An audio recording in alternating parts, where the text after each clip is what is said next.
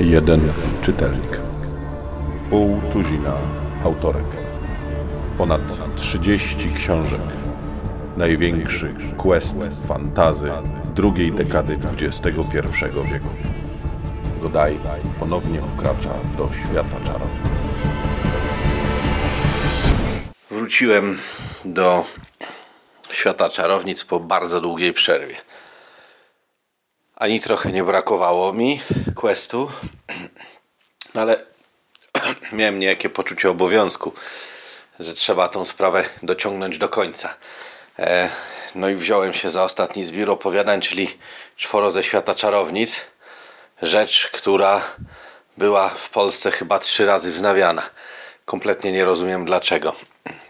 Są to cztery teksty, cztery dłuższe teksty, które pierwotnie planowane były do tych niesławnych opowieści ze świata czarownic, ale ponieważ były dłuższe i takie trochę bardziej specjalne, to Norton stwierdziła, ej, dajmy im własną antologię. Norton do tego wszystkiego napisała tylko wstęp, bardzo ładny, nawet w sumie trochę przystający do rzeczywistości. Natomiast e, cztery inne kobiety zajęły się napisaniem samych tekstów. I generalnie rzecz biorąc jest to bardzo zły zbiór. Teksty są cztery, z czego trzy są absolutnie okropne, a jeden jest całkiem fajny. Zaczyna się od dziedzictwa martwo urodzonej pani Elizabeth Boyer. E, no, pozwolę sobie streścić i zrobić spoilery, bo inaczej nie da się powiedzieć, jak bardzo to jest złe. Pierwsze dwie trzecie tekstu jest o dziewczynie, która dorastała w zamku i okazało się, że ma moc. Wszystko i wyłącznie dlatego, że urodziła się martwa i stara, mądra kobieta wpuściła w nią duszę e, ze starego ludu. Takich jak ona było e, dwudziestka dzieci, z czego przeżyło dziesięcioro i mamy taką sytuację, że nagle ni stąd, ni zowąd na wybrzeżu lądują Alizończycy i mają ze sobą chyba sprzęt kolderu. Związku z tym ta dziesiątka martwo urodzonych w ciągu kilku godzin, dni albo tygodni, bo jest to tak napisane, że na dobrą sprawę nie wiadomo, zapobiega całej inwazji. Koniec. No, trudno jest mi powiedzieć, która z bzdur jest tu najgorsza. Nie wiem od czego zacząć. Po pierwsze, zacznijmy od tego, że jeżeli wielcy przedwieczni, znaczy, przepraszam, stary lud, dawny lud, czy jak tam w zależności od tłumaczenia, zaplanowali urodzenie martwo urodzonych i przekazanie im mocy, to czemu nie zrobili tego przed pierwszą inwazją Alizonu na Hajhalak i wojną, która trwała bardzo wiele lat? Po drugie, dziesiątka dzieciaków, bo ta głównażeria ma tam w okolicach 15 lat, zrobiła coś, czego nie mogły zrobić wszystkie doliny, cały Hajhalak przez wiele lat. Po trzecie, o ile dobrze sobie przypominam, to Alizończycy mieli trochę kolderskiego sprzętu, który w czasie wojny został utracony, a poza tym kolder po drodze został pokonany. Dziękuję. Koniec rozmowy o pierwszym opowiadaniu, bo nie ma o czym. Następnie e, CJ Sherych, Petrele. CJ Sherych pisywała już dla świata czarownic i ma jaką taką renomę. I ten tekst nie jest tak zupełnie zły. Jest po prostu kiepsko napisany i nijaki. Żołnierz przypadkiem ratuje dziewczynkę. Mówimy cały czas o sytuacji, kiedy trwa wojna z Alizończykami. I um, ucieka z nią. I spotyka czarownicę, która magiczną mocą gromadzi takie dzieci i ukrywa je w jakimś tajemnym miejscu, prawdopodobnie w piątym wymiarze albo w czymś innym i jest z nią niemy Alizończyk. No i to tyle. Znaczy uciekają, nie? Udaje im się. Dzwonecznik Meredith N. Pierce.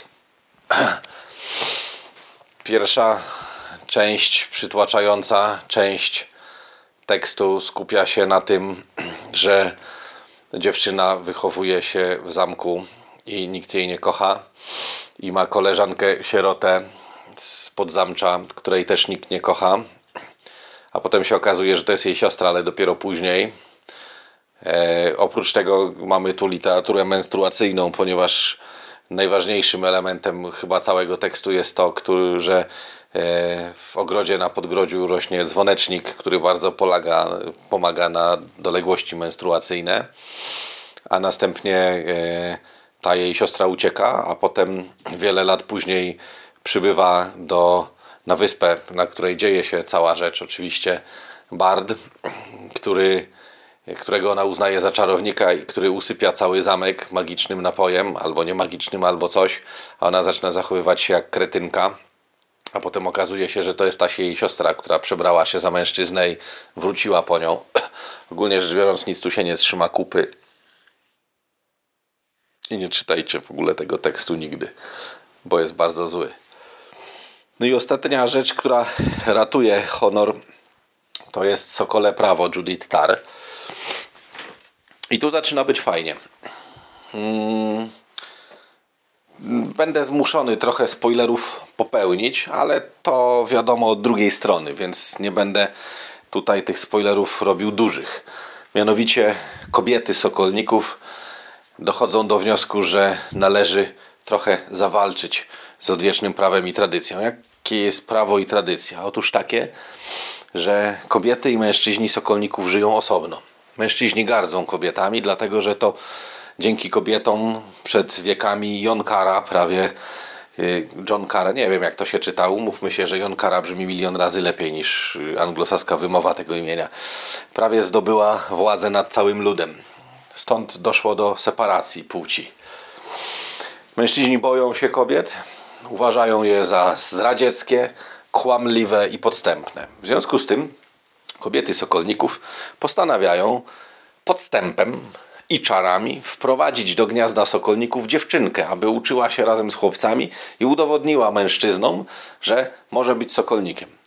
To się trochę nie trzyma kupy, ale wbrew pozorom nie jest to aż taki problem.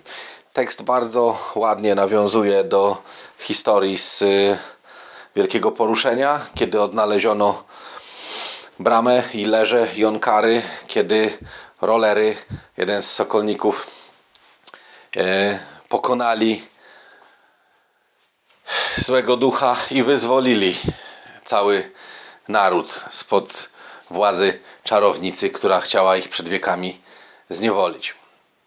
Ma to sens, trzyma się to kupy, jest to fajne. Oczywiście jest y, konieczny wątek romantyczny, y, który nie jest tutaj niezbędny, ale też nie, nie robi jakiejś szczególnej krzywdy. Jest to tak naprawdę jedyny tekst z tego zbioru, który jest wart przeczytania. Niestety no, ze smutkiem stwierdzam, że jeżeli mielibyście zmęczyć całość czwórki ze świata czarownic, to dla samego opowiadania pani Tar chyba nie warto.